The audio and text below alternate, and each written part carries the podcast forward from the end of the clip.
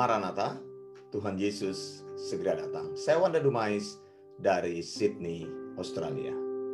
Saudara yang dikasih Tuhan, yakinilah hal ini. Tidak ada yang kebetulan dalam hidup ini. Semua yang terjadi dalam hidup ini adalah kisah sambungan yang terjadi seperti sebuah garis lurus. Seperti sudah ada yang mengatur semuanya. Dalam kepercayaan saya, Dia Allah yang Maha Besar mengatur semua jalan sesuai dengan providensianya. Inilah yang membuat saya kagum kepada Dia bahwa Dia mengatur jalannya sejarah dunia dan sejarah hidup saya secara rapi. Saudara, burung pipi tidak akan jatuh dari pohon tanpa sepengetahuannya. Ribuan tahun lalu Allah pernah menyuruh Abraham untuk mempersembahkan Ishak sebagai korban bakaran. Allah menyuruh Abraham naik ke Bukit Moria untuk menguji iman Abraham. Apakah dia akan taat? Perintahnya jelas, bunuh Ishak dan taruh di mesbah sebagai korban untuk menyenangkan hati Allah. Abraham taat. Ternyata bukan Ishak yang dibunuh, tetapi Allah menyediakan binatang korban di sana. Abraham berkata, and Abraham called the name of that place Jehovah Jireh, as it is said to this day, in the mount of the Lord it shall be seen. Genesis 22 14 King James Version. Jehovah Jireh artinya Allah menyediakan.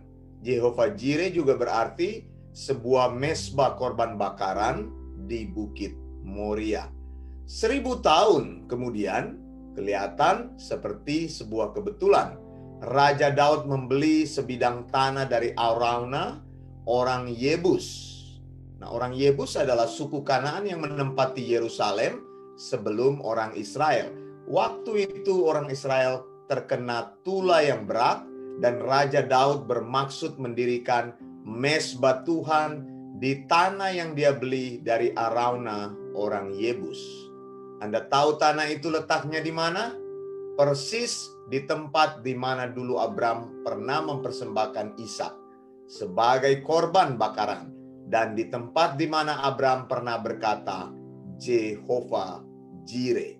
Lalu setelah Daud meninggal, Raja Salomo anaknya mendirikan Beit Ha Elohim di tanah yang pernah dibeli ayahnya dari Arauna orang Yebus. Kelihatan lagi seperti sebuah kebetulan.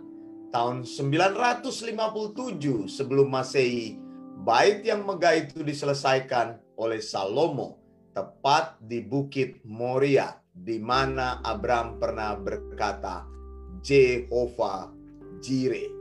Sebelum bait Allah dibangun, tabut perjanjian yang melambangkan kehadiran Allah diangkut ke mana-mana. Di dalam tabut itu juga ada dua loh batu yang berisi sepuluh perintah Allah yang diterima oleh Musa di Bukit Sinai. Setelah bait Allah dibangun permanen, tabut perjanjian dan dua loh batu, sepuluh perintah Allah disimpan di ruang maha kudus. Bait Allah ini juga disebut Solomon Temple atau bait Allah yang pertama. Tapi masih ada kebetulan-kebetulan lainnya, saudara. Yakub, anak Ishak sebenarnya pernah membangun mesbah Tuhan di atas batu di mana ayahnya dulu dipersembahkan sebagai korban yaitu di Bukit Moria. Kebetulan ini juga terjadi waktu malam hari Yakub bermimpi melihat tangga yang ujungnya sampai ke surga. Salah satu batu yang dipakai Yakub untuk tidur menjadi batu penjuru waktu Yakub membuat mesbah. Di tempat yang sama dulu, opanya Abraham pernah berkata, Jehovah Jireh pada waktu pemerintahan Yosia, yaitu raja yang membawa pembaharuan kepada bangsa Yehuda, sebenarnya sudah ada perintah bahwa semua penyembahan harus berpusat di bait Salomo atau bait Allah yang pertama dan itu terjadi tetapi raja pengganti sesudah Yosia membawa orang Israel melakukan dosa besar dan melupakan Tuhan. Tahun 586 sebelum Masehi bait Allah dihancurkan oleh Raja Nebukadnezar II sesuai nubuat Nabi Yeremia dan orang Israel harus dibuang ke Babel. Tahun 539 sebelum Masehi Raja Cyrus dari Persia mengalahkan kerajaan Babylon. Raja ini baik hatinya dia mengizinkan orang Israel kembali ke Yerusalem. Saudara, pada tahun 515 sebelum Masehi, bait Allah yang kedua dibangun kembali di tempatnya yang sama yaitu di Bukit Moria. Pada tahun 1607 sebelum Masehi, Antiochus IV Epiphanes, Raja Sirian menajiskan bait suci ini dan memerintahkan untuk mempersembahkan korban kepada dewa Zeus di altar yang dibangun khusus untuk dirinya. Dialah raja yang berusaha menekan orang Yahudi sehingga menimbulkan pemberontakan yang dipimpin oleh Yudas Makabe. Saudara, sesudah itu bait Allah terus mengalami tekanan karena pemberontakan dan perang sampai tiba masa pemerintahan Raja Herodes, Raja Yudea. Herodeslah raja yang membangun kembali bait Allah sehingga terkenal juga sebagai bait Herodes. Pembangunan bait Allah itu terjadi selama 46 tahun. Bait Allah ini diperluas dua kali lipat menjadi pusat kegiatan orang Yahudi lagi sebagai tempat ibadah, sebagai tempat pengajaran, dan sebagai tempat pengadilan. Tapi karena pemberontakan orang Yahudi terhadap orang Roma sejak tahun 66 menyebabkan bait Allah dibakar dan dihancurkan oleh Titus pada tahun 70 Masehi. Inilah akhir sejarah dari bait Allah dan kota Yerusalem. Sesudah itu mulailah periode gereja Kristen sampai tahun 614 Masehi bangsa Persia kemudian menjajah Yerusalem, membunuh penduduknya dan menghancurkan bangunan-bangunan gereja di sana. Tahun 638 orang muslim di bawah pimpinan Umar Khalid menaklukkan Yerusalem. Di atas reruntuhan bait Allah orang muslim membangun the Dome of the Rock atau Muslim Shrine dan Masjid Al-Aqsa. Saat ini hanya tersisa puing-puing reruntuhan bait Allah.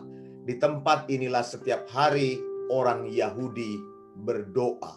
Itulah sebabnya tempat ini dikenal sebagai Wailing Wall, tembok ratapan.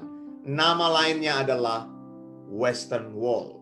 Kalimat awal saya tadi berkata, tidak ada yang kebetulan dalam hidup ini. Percayakah Anda akan hal ini? Semuanya terjadi seizin Tuhan. Sampai hari ini Allah masih berdaulat.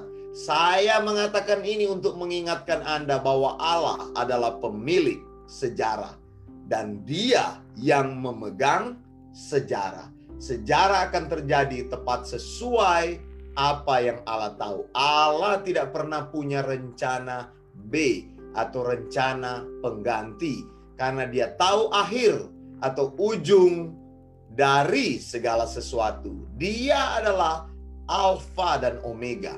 Allah yang awal dan Allah yang akhir. Dia yang memulai, maka dia juga bisa menyelesaikan. Sebagai manusia normal, hati saya menangis melihat penderitaan orang Israel yang setiap hari merindukan untuk membangun bait Allah mereka di atas batu Moria atau batu Jehovah Jireh. Bahkan ada cerita begini saudara, di bawah batu Moria ada sebuah gua kecil di mana kita bisa mendengar suara orang-orang yang sudah mati bersamaan dengan suara River of Paradise. Saya tidak tahu kebenaran cerita ini. Ini adalah legenda yang berkembang di kalangan orang-orang. Tapi benar, saudara, tidak ada yang kebetulan bagi Allah. Tidak ada kejutan bagi Allah. Dia sudah tahu semuanya. Saya tidak tahu tentang hidupmu. Tetapi dalam hidup saya, saya sudah melihat tidak ada yang kebetulan. Banyak hal yang terjadi dalam hidup saya. Allah memimpin dari satu kebetulan kepada kebetulan lainnya menurut pikiran saya. Bagi saya itu adalah kebetulan, tetapi bagi Allah itu adalah rancangan yang pasti. Saya Wanda Dumais dari Sydney, Australia. Saya ingin mengucapkan salam gereja perjanjian baru. Maranatha, Tuhan Yesus akan datang. Tuhan Yesus segera datang. Tuhan Yesus pasti datang. Salam dari Sydney. Blessings.